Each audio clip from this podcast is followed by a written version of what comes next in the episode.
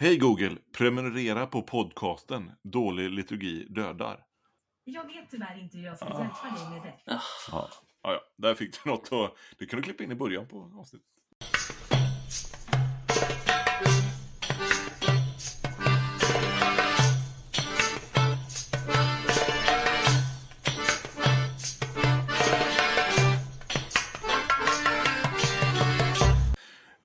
Dålig liturgi dödar. En re-emerging podd för 2020-talet för dig som inte vill stanna i den torra kristendomens skugga.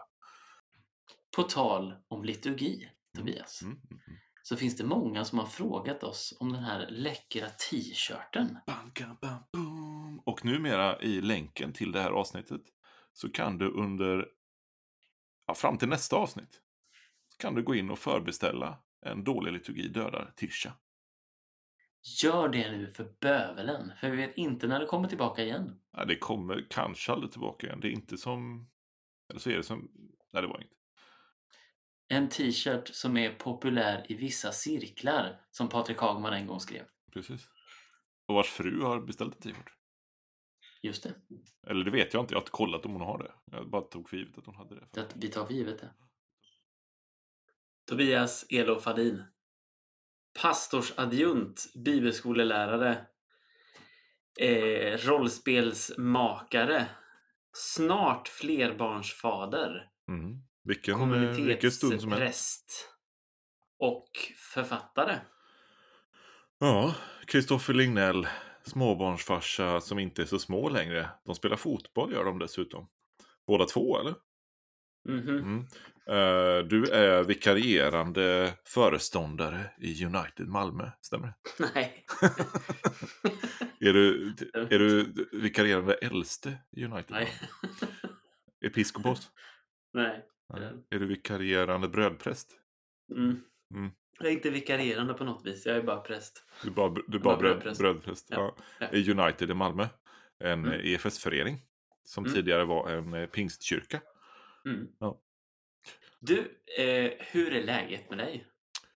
Eh, Och hur har du det med Jesus? Ja men alltså, om vi tar läget först så är det så himla... Min son fyller år idag så det har varit fantastiskt roligt. Men eh, eh, det, det är mycket att jobba heltid alltså. Vem i sina sinnesfulla bruk... Alltså jag fattar ju om man måste för att överleva eller för att man inte hittar någon annan tjänst inom sin yrkeskategori eller sådär. Mm. No shame liksom. Fattar verkligen det. Men om man får till betalt och kan liksom rent ekonomiskt välja att så här, men jag lever lite fattigare eh, och jag klarar mig ändå bra Mm. och jag behöver inte jobba heltid. Vem gör inte det? Det är ju helt psycho alltså. Att, att jobba heltid, man, man har ju inte någon tid över till något annat än jobb och någon timma med sin son när man kommer hem. Sen sover han. Och så har Mm. man två timmar på sig att så här, göra allting annat. Sen ska man liksom... När ska man ha kul? Ska man ha det på jobbet eller? Hur, hur många barn hade ni sa du? Ett barn.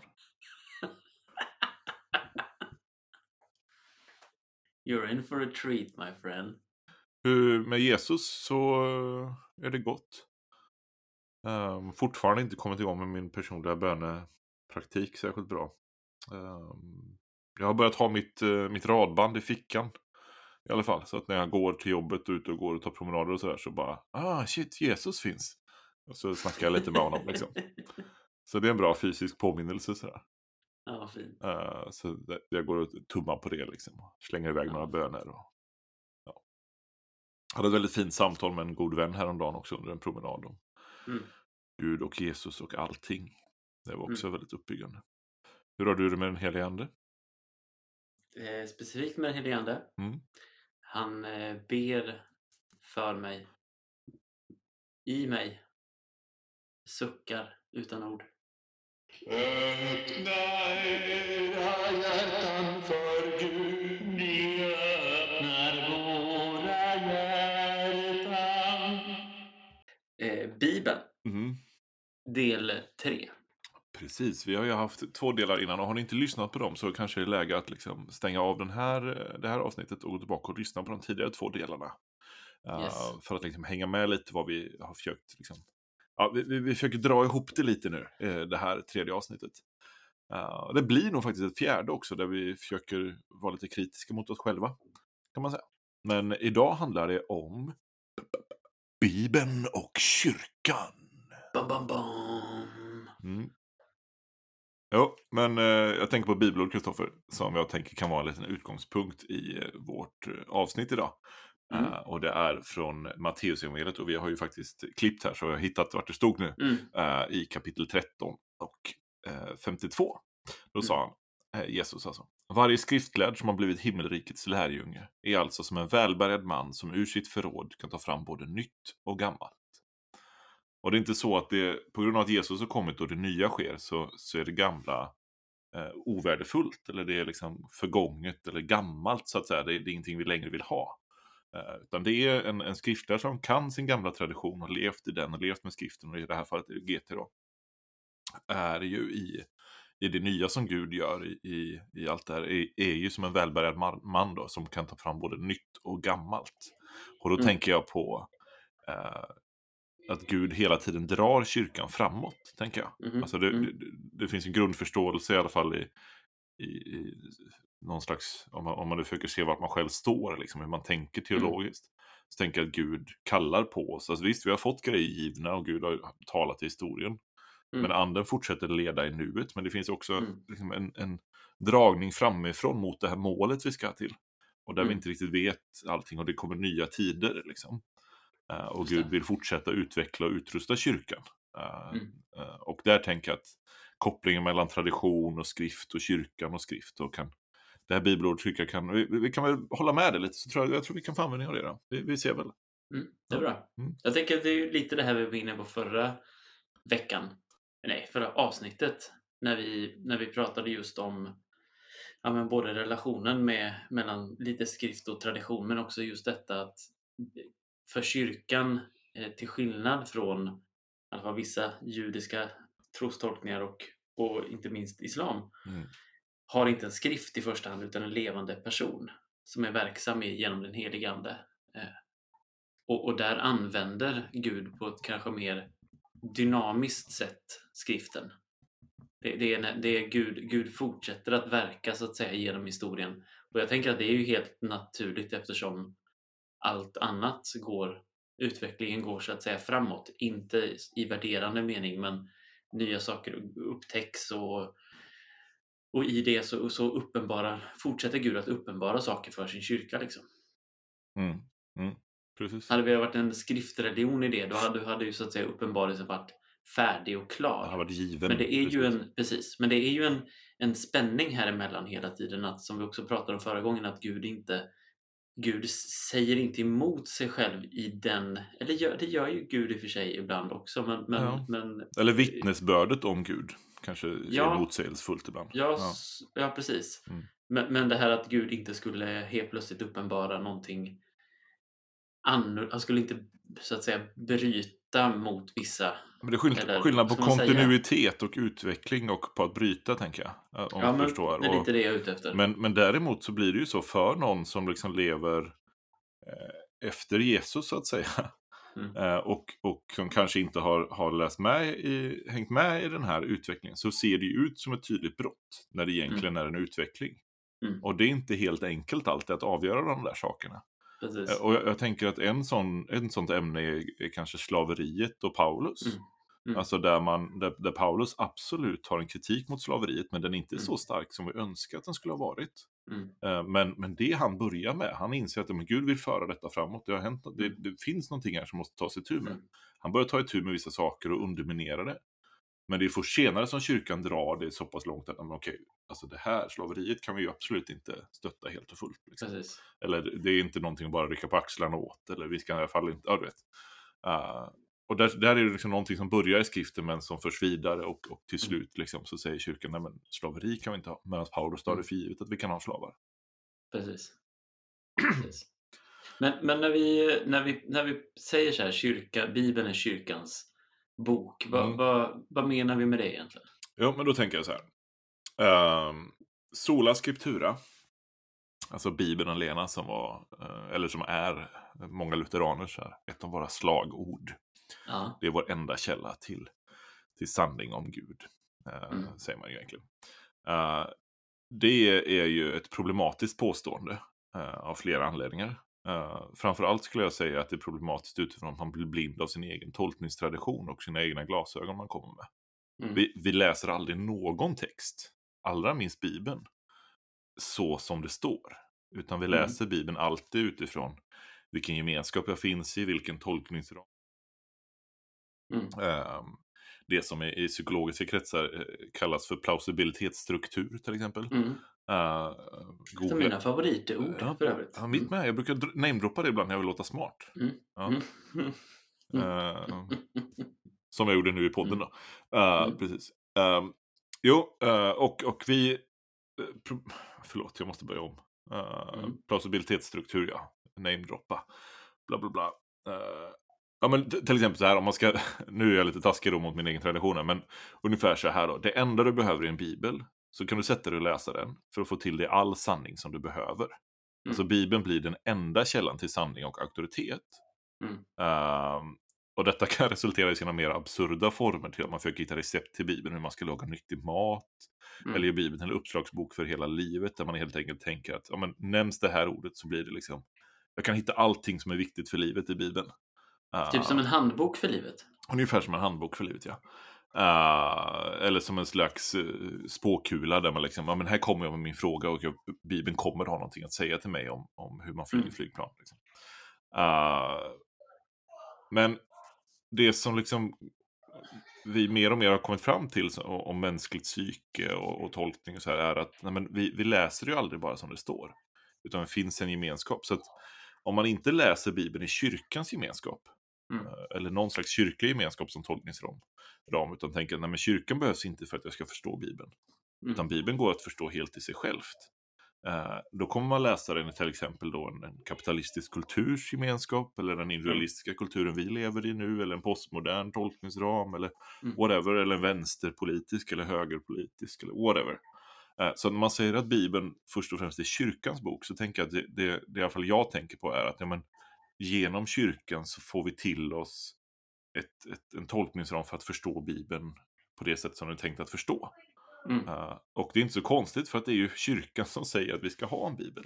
Mm. Uh, som vi har sagt innan, bibeln kommer före kyrkan. Tvärtom. Bra att du är med.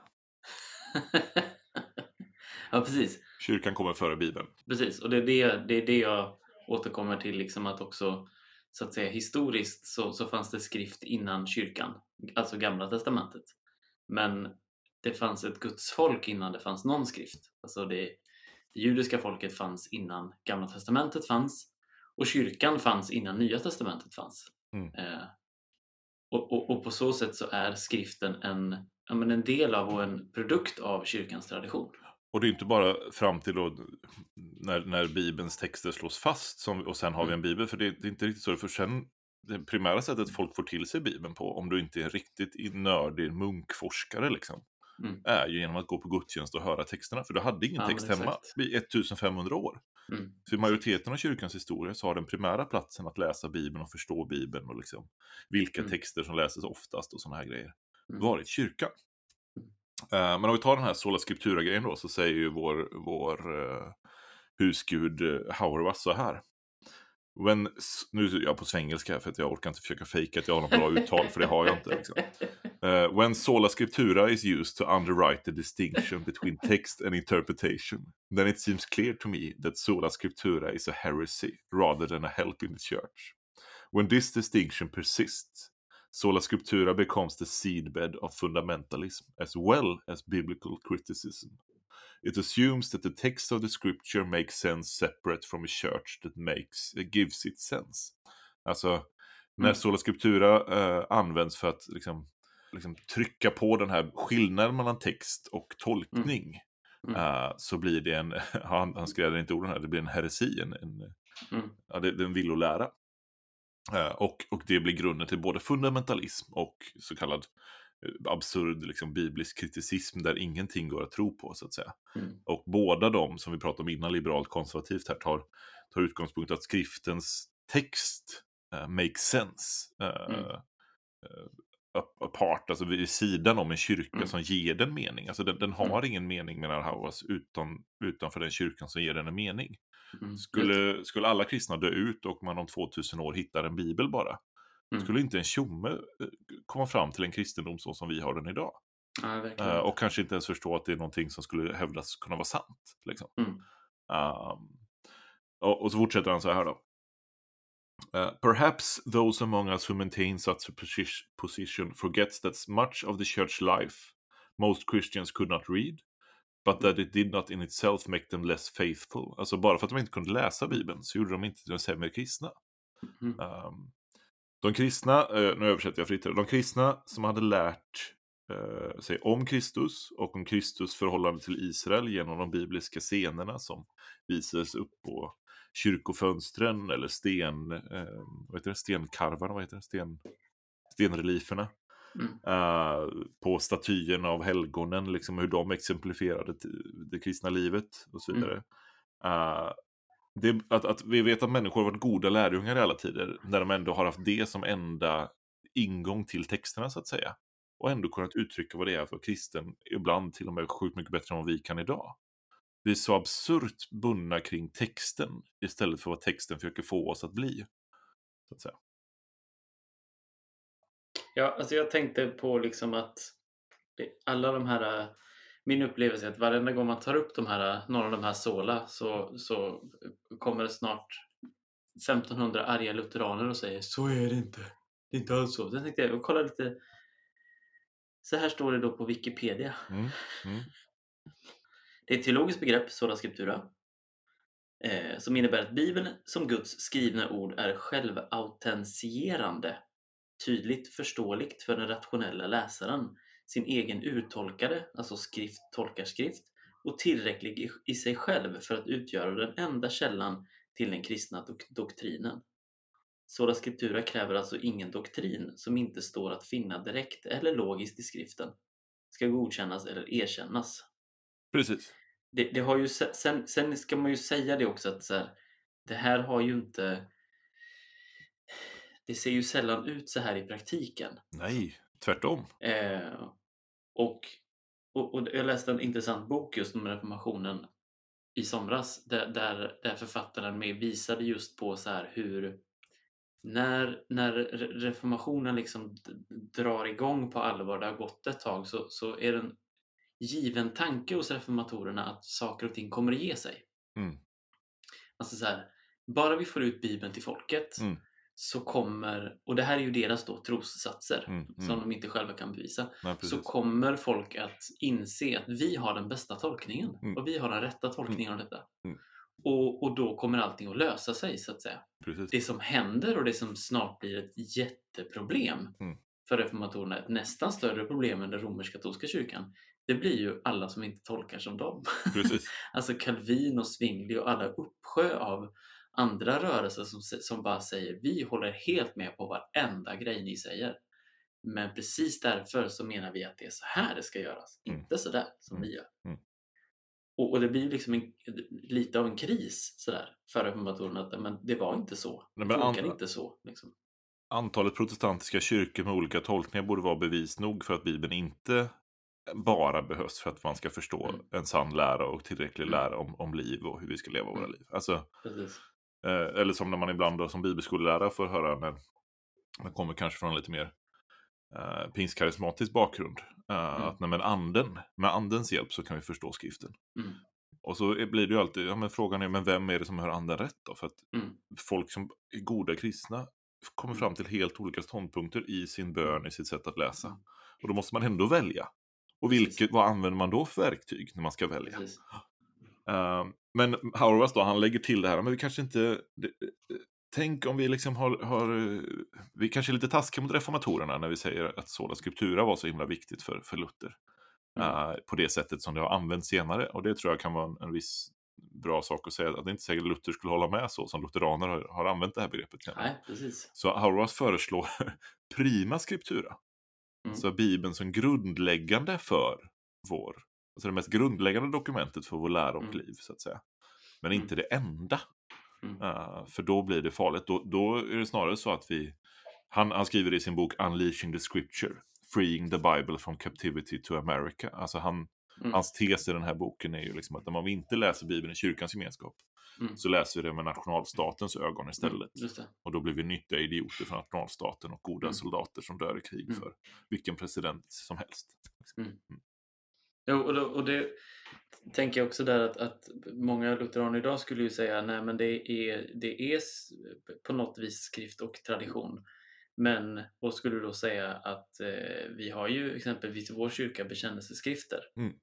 Där Bibeln är så att säga en eller Bibeln är inte ens en av bekännelseskrifterna men Bibeln ligger till grund för lära och liv. Eh, men sen så hur, hur vi ska läsa och förstå Bibeln finner vi i våra bekännelseskrifter. Men vägleder om det, precis. Och där skulle man säga någonstans att, att där har vi då traditionen eller Mm. vad man skulle tolkningsnyckeln eller ramen eller någonting. Och jag tänker också, det, Stefan Gustafsson skrev en debattartikel för ett tag sedan om så här, skillnader mellan olika traditioners bibelsyn. Liksom. Och då Mm. är det så här, om man har Bibeln och traditionen, eller Mm. bara Bibeln och så, så menar han Mm. att den, den goda evangelikala traditionen som Mm. han själv står i har bara Bibeln. Eh, och kan förklara varför det är rätt tradition. Eh, och sen har ju Stefan Gustafsson ägnat sitt liv åt att försvara en viss typ av teologi utifrån rationella grunder. Och då tycker jag det är så intressant för han kritiserar då de som säger som vi då, att nej, Bibeln och traditionen. För att säga, nej men det behövs inga uttolkare eller eh, ledargestalter som har tolkningsföreträde eller traditioner som berättar för. Men precis det gör ju han hela Ja. tiden. Ja. Och, med rätta, det är klart att han ska Ja. syssla med det. Alltså, Mm. det är ju en del av vad det innebär att vara, vara liksom, teolog i kyrkan. Mm. Liksom. Mm. Så, så jag har inget problem med att han gör det, men det, blir så Mm. blint när man själv tror att man, nej men jag försöker inte vara någon slags biskop här Mm. som berättar för er hur ni ska tro. Men Precis. han lägger ju extremt mycket, hela hans liv går ju ut på, Precis. eh, kanske inte hela hans liv, men hela hans liksom, kyrkliga liksom, aktivitet går ju ut på att Mm. förklara för andra vilket som är en god läsning av Bibeln och en Mm. god teologi. Mm. Så att det, det blir så motsägelsefullt. Eh, Så att Precis. inte ens de som liksom trycker hårdast då skulle jag säga på en, en sola scriptura-grej Mm. idag har ju bara en sola scriptura-teologi. Nej, nej och, och i grund och botten så är det omöjligt att ha en sådan scriptura teologi eftersom att det inte går att ställa skrift mot tradition eftersom Mm. skriften är en del av traditionen. Precis. Sen, sen, sen så är det ju en annan fråga sådär hur man, hur man väljer att, att exempelvis eh, ställa saker i relation till varandra eller värdera saker. Ja, precis. Där, när, saker krockar mycket- liksom. Och där är det ju Ja. mycket, där kanske jag snarare skulle tänka att det är det som, som reformatorerna, eller i alla fall en del av dem, vill, vill åt. Att liksom vad en enskild påve säger är inte lika viktigt som vad Bibeln säger. Om det står så att säga rent och klart Jesus säger döda inte era fiender eller älska era fiender så, så, så spelar det ingen roll om det kommer hur from eller hur, hur viktig person det än är i kyrkans hierarki som säger ja men det är okej. Och bara den personen säger det så att säga. Då, Precis. då, då ska vi gå så att säga på något vis på, på ordet istället. Eh, men, men det blir lite ihop. Och det är det här som då blir, blir så problematiskt för många protestanter och lutheraner. Att man, många är så inkörda med det där så att man tror att andra kyrkliga traditioner och andra kyrkor bara går på traditionen. så att säga. Precis. Och aldrig använder Bibeln. Och då blir man jätteförvånad när exempelvis romersk-katolska kyrkan har bibelord för alla sina sakrament. Exakt. här, Eller men- hela mässan nej, men det, nej men det finns ju bara två. Det finns ju bara två, det finns ju bara två sakrament som vi är säkra på. Nattvarden och Precis. dopet, för det är bara det Jesus instiftat. Och så säger de, eh, nej det finns fler. Liksom. Jag Då tycker blir det man är jätteförvånad. metodisterna, den metodistiska traditionen, eh, Mhm. har en, eh, i, i Wesley, han, han utvecklar, de, de har något svårt ord som brukar heta på engelska quadrilateral, va? Kvadrilateral. Eh, Mhm. Alltså det finns fyra stycken uh, fyrfaldig väg i metodismen som Wesley Mhm. utvecklar, hur man ska applicera Bibeln och kyrkans tro och det kristna livet Mm. idag. Liksom. Mm. Och då säger man så här, vi behöver skriften. Mm. Superviktig. Skriften valideras eller tolkas eller förstås eh, genom traditionen. Mm. Nu, det här är inget citat, men det här är liksom hur jag tolkar deras utläggningar. Uh, genom traditionen. Och traditionen förstås och tolkas så, så utifrån vårt förnuft. Så det Mm. använder vi. Och vårt förnuft och sånt tolkas och utformas utifrån vår eh, erfarenhet. Men det är inte bara den ordningen, utan det kan lika gärna vara att erfarenheten börjar och sen förstår vi vår erfarenhet utifrån skriften. Mm. Eller Mm. vi börjar i traditionen och sen med hjälp av Mm. förnuftet så kommer vi till skriften och erfarenheten. Mm. Alltså, men de här fyra på något sätt är alla inblandade i hur vi ska göra teologin och behövs. Mm. Alla har sin plats så att säga. Mm. Eh, och det är en ganska god eh, ingång tycker jag. Mm. Eh, att liksom, nej men vi kan inte bara skrift och tradition för det räcker inte. Mm. För också vi lever i en ny tid, vi behöver veta vad vi ska göra.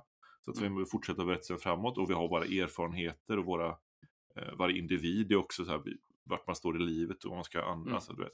Och kyrkorna lever i nya tider och nya situationer och sådär. Och Mm. Vi har vårt förnuft också. Och alla de här fyra grejerna är extremt viktiga för att vi ska kunna vara kyrka. Men de har sin plats. Eh, Mm. och, men de går inte att förstå skilt från varandra så att säga. Mm. Eller de gör inte nytta skilt från varandra. Mm, det är bra. Kristoffer, eh, tradition. Mm. När vi pratar om det, traditionen liksom med stort Mm. T. Vad, vad Mm. snackar vi om egentligen? Snackar vi om allting som kyrkan alltid har gjort? Eh, nej, det gör vi väl inte. Jag tror inte att vi gör det i alla fall. Nej, men vad, när man pratar om kyrkans tradition, vad, vad brukar man generellt prata om? Liksom? Ja, på ett sätt så är det en ganska slarvig term som man lätt kan bara slänga sig med om man vill komma undan. Mm. och det är också lätt att använda det som en just auktoritets eh, liksom en auktoritet och bara säga att kyrkans tradition säger så här. Mm. Eh, och än en gång så finns det finns ju ingen bok man kan köpa som heter kyrkans tradition. Och så vet man precis allting som, som är rätt. Och så utgår man från den. Utan kyrkans tradition tänker jag är eh, det som kyrkan har fört vidare Mm. genom den helige Ande. Men hur vet man vad som är genom den helige Ande? Ja, det, det, på ett sätt kan man veta det genom att det lever kvar idag. Mm. Där har du Genom att det har förts vidare. Alltså tiden har gjort någonting. Jag, tänk, jag har tänkt mycket på den senaste tiden att vilken tur vi har att vi lever när vi lever. Mm.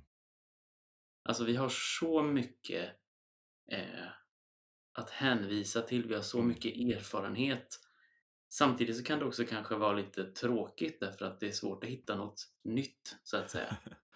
Ja, men så här, det, det är skillnad om vi hade levt på 500-talet. Massa saker som inte har upptäckts än. Och, Precis.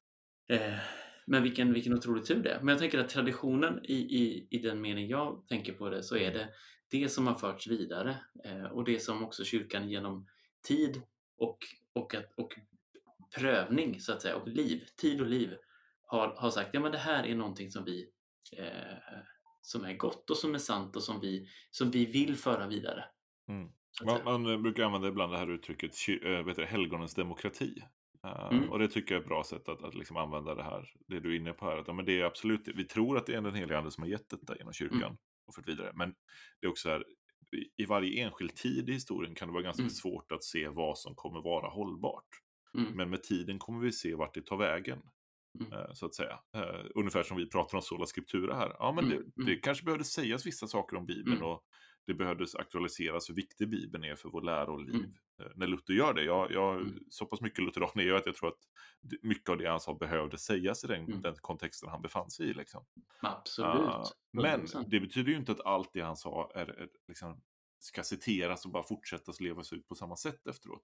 Och det tycker Exakt. jag vi kan se då, men det blir lite av en återvändsgränd och det var det vi pratade om Mm. med Bibeln som minne och vi har de här röda Mm. trådarna som får sitt stopp, Mm. men vissa röda trådar fortsätter löpa liksom. Mm. Och inte heller är det ju heller då bara, ja, men bara för att kyrkan alltid har träffats i byggnader med torn, Mm. så är det kyrkans tradition att träffas i byggnader med torn. Precis. eh, även om vi ofta gör det. Mm. Eh, utan det som är, har med tradition är ju precis det, du- du- hur ska vi leva som kristna, hur, hur, vad är värt liksom? Och här är det Mm. ganska intressant då i, i protestantiska eh, traditioner, då Mm. blir det ju mer så att i olika, olika kyrkor har sin smak. Så att säga. Eh, protestantiska kyrkor har traditionellt liksom renodlat ett uttryck eller en tradition. Sådär. Mm. Eh, men tradition med stort T är ju egentligen inte en, ett val av dessa och säga men Mm. kyrkans tradition är den lutherska.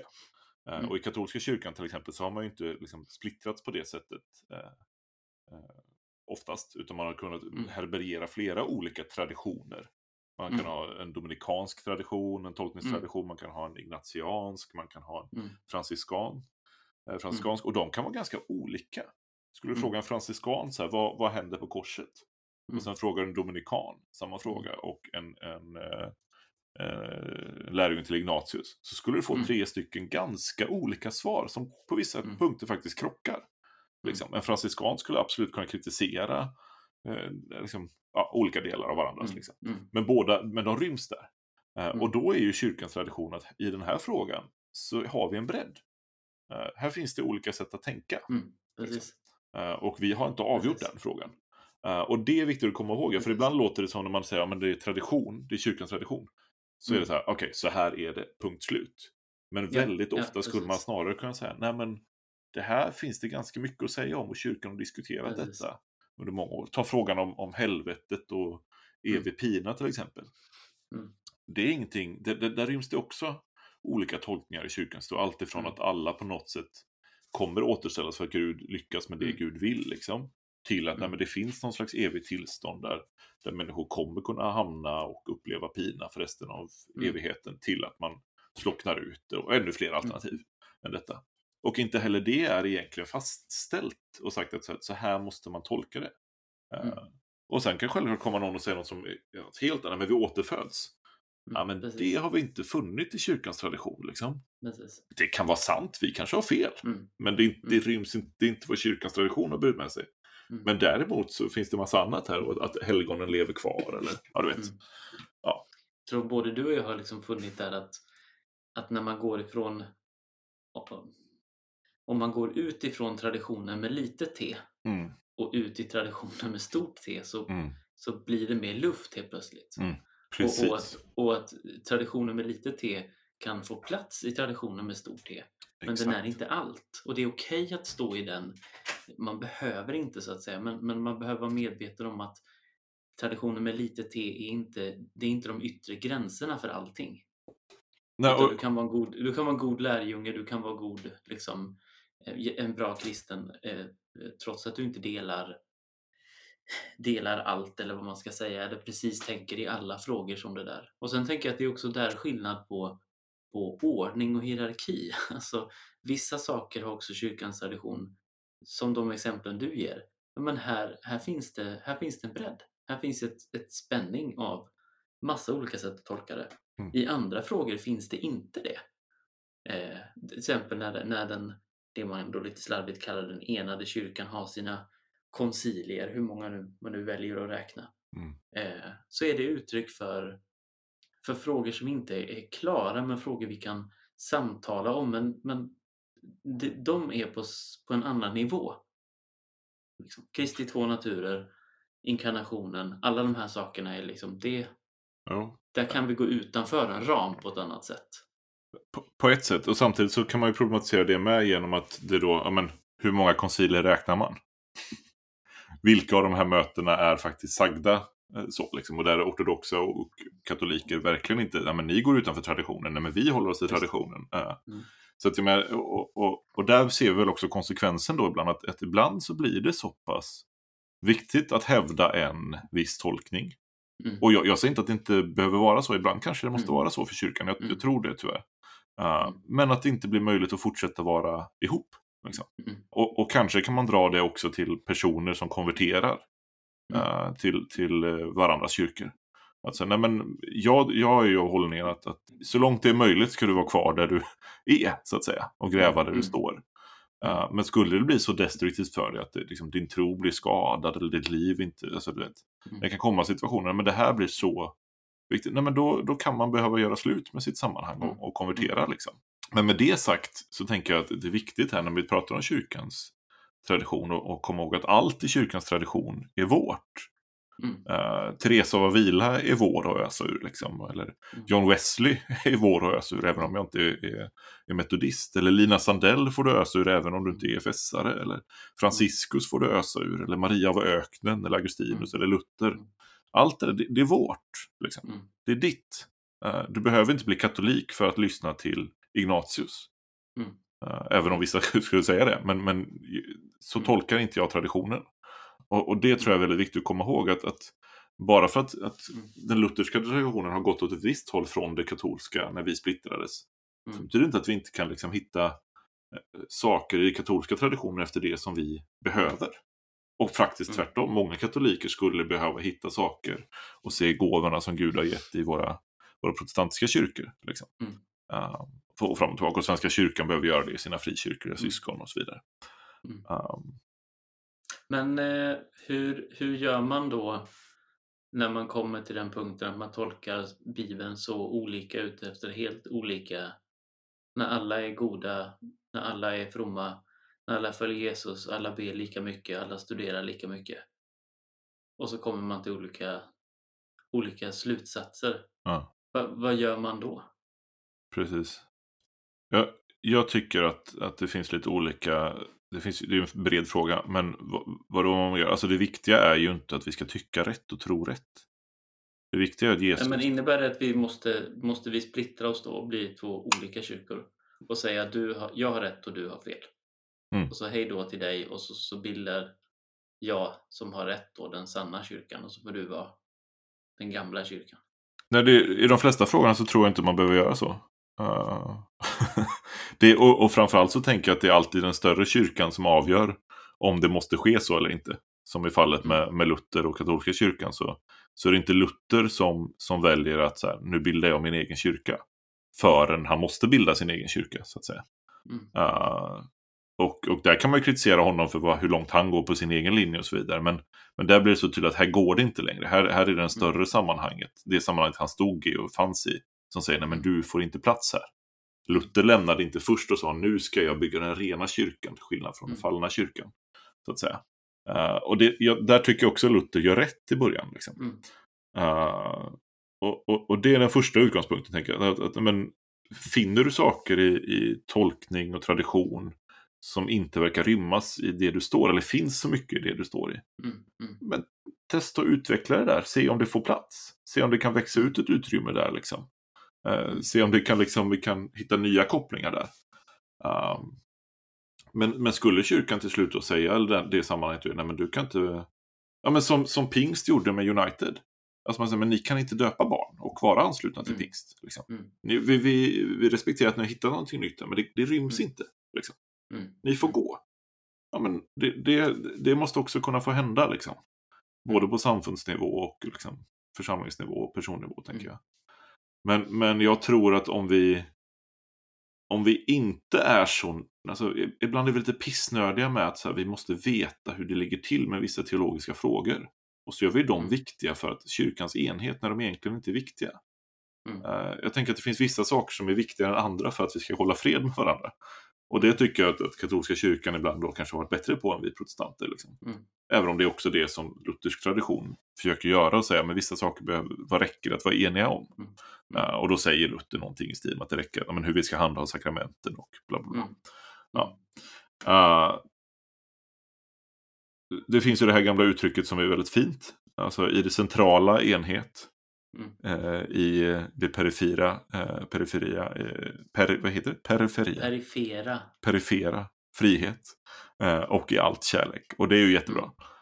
Men det är ju när vi börjar då, och, och, och som alltid Magnus Malm säger, men det är bara problemet att vi inte kan komma överens om vad som är centralt. Ja. Fast väldigt mycket har ju kyrkan genom årtusendena kunnat säga, visa det för oss nu. Som du säger, vi lever 2000 år senare, vi kan se vad som har hållit centralt Mm. i kyrkor i 2000 år. Mm. Och ju när det behöver splittra, alltså så här. Mm. Uh, och då är det så här, men vad är det centrala? Behöver vi ha, ha samma idé om vad som händer på korset för att kunna ha nattvardsgemenskap? Ja eller nej? Ja, för vissa skulle säga då, ja, det behöver vi. Okej, Mm. då går det inte här. Men för väldigt många av oss skulle säga, nej, exakt vad som händer på korset behöver vi inte säga. Men att korset är i centrum för vår tro. Att Jesus genom korset eh, och uppståndelsen på något sätt eh, räddar oss. Ja, det behöver vi ha som centralt. Ja.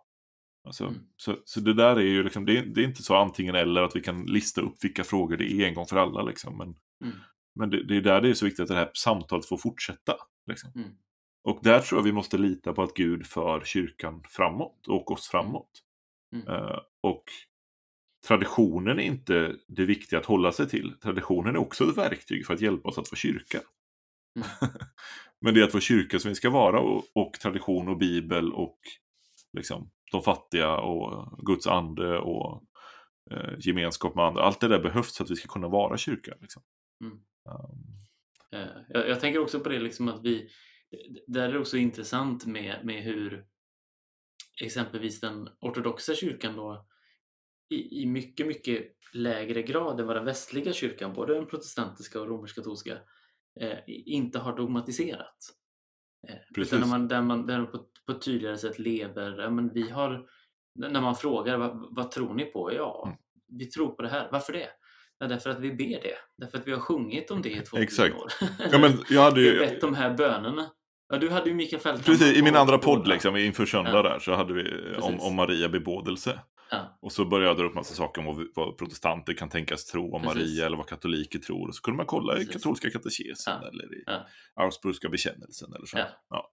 Eh, och så kommer ju då eh, Mikael där och är så god så han bara, nej men vi sjunger de här hymnerna så det Mm, visar vad vi precis. tror. och det är de vi har bevarat. Eh, så det är ett helt annat, att, ehm, och där, där kan jag ibland då tycka att det ortodoxa på ett sätt har, har hittat något som jag tror vi behöver hitta tillbaka till. Att, att centrum Mm. är praktiken att fira gudstjänst. Mm. Mm. Och det är det viktiga, inte alltid liksom att diskutera och komma fram. Alltså så här, låt oss Mm. fira gudstjänsten. Eh, och, och på ett sätt tycker jag också det kan vara, vara värt att betona det att, att en, en floskel som ändå är ganska bra. Alltså att kyrkan inte är en åsiktsgemenskap utan en bordsgemenskap. Så att säga. Alltså en måltidsgemenskap. Vi, vi, det är lättare att samlas kring gemensamma praktiker. Mm. Eh, och, och det kanske också är vägen framåt ekumeniskt, tänker jag. Att så här, Mm. nej men okej, vi kanske inte kan komma överens i vissa frågor just nu. Mm. Med Gud, Guds hjälp så kanske vi kan det någon dag. Liksom. Mm. Men just nu kan vi ändå välja att be tillsammans. Mm. För det behöver vi inte hålla med varandra teologiskt för att göra. Mm. Men vi kan ändå be tillsammans. Mm. Eh, och i vissa kyrkor kan vi också fira nattvard tillsammans. Liksom. Um, låt oss Jo, göra det det. där- liksom. Ja, men det är den andra grejen jag tänker på just att, att också i andra då eh, västliga kyrkor som den romersk-katolska så är ju så är det inte i första hand alltid läran och formuleringarna som står i centrum för enheten utan det är relation. Mm. Det står i relation till påven av Rom. Eh, och det innebär såklart också att, att det får konsekvenser för vad du, vad du tror på också så att säga intellektuellt. Eh, men inte bara det. Eh, utan det, det kan också vara en, en, exempelvis en liturgisk, som du är inne på, liturgisk enhet. Nu är det det du säger, men, men eh, att man, man delar samma rit exempelvis. Man delar samma, samma praktik där. Eh, och Det är också intressant där att där, där, där kan vi skilja oss åt och det kan vara en utmaning för, för oss, inte minst i liksom protestantiska kretsar och traditioner, att, att våga utmanas av det, att det kanske finns enhet inte bara genom att vi skriver under varandras papper liksom, om vad vi tror och tycker. Utan det finns annan typ av enhet också. I love gold. The look of it, the taste of it, the smell of it, the texture. Oldie but Goldie eller? Rubriken är Vem är den helige Ande? Till honom vänder sig alla som är i behov av helgelse. Alla som lever i dygden längtar efter honom. När han blåser blir de liksom uppfriskade och hjälpta att nå det mål de är ämnade till. Han kan fullkomna allt men saknar själv inget. Han behöver inte återhämta sina krafter utan är livets givare. Han tillväxer inte utan är endast fullkomlig, stadig i sig själv och närvarande överallt. Jag skulle sagt Antonius bara för att han var på andra sidan, men eh, det är inte Antonius. Basileus av Caesarea. Mm. Det är en god gubbe. Nästa gång, då blir vi mer personliga.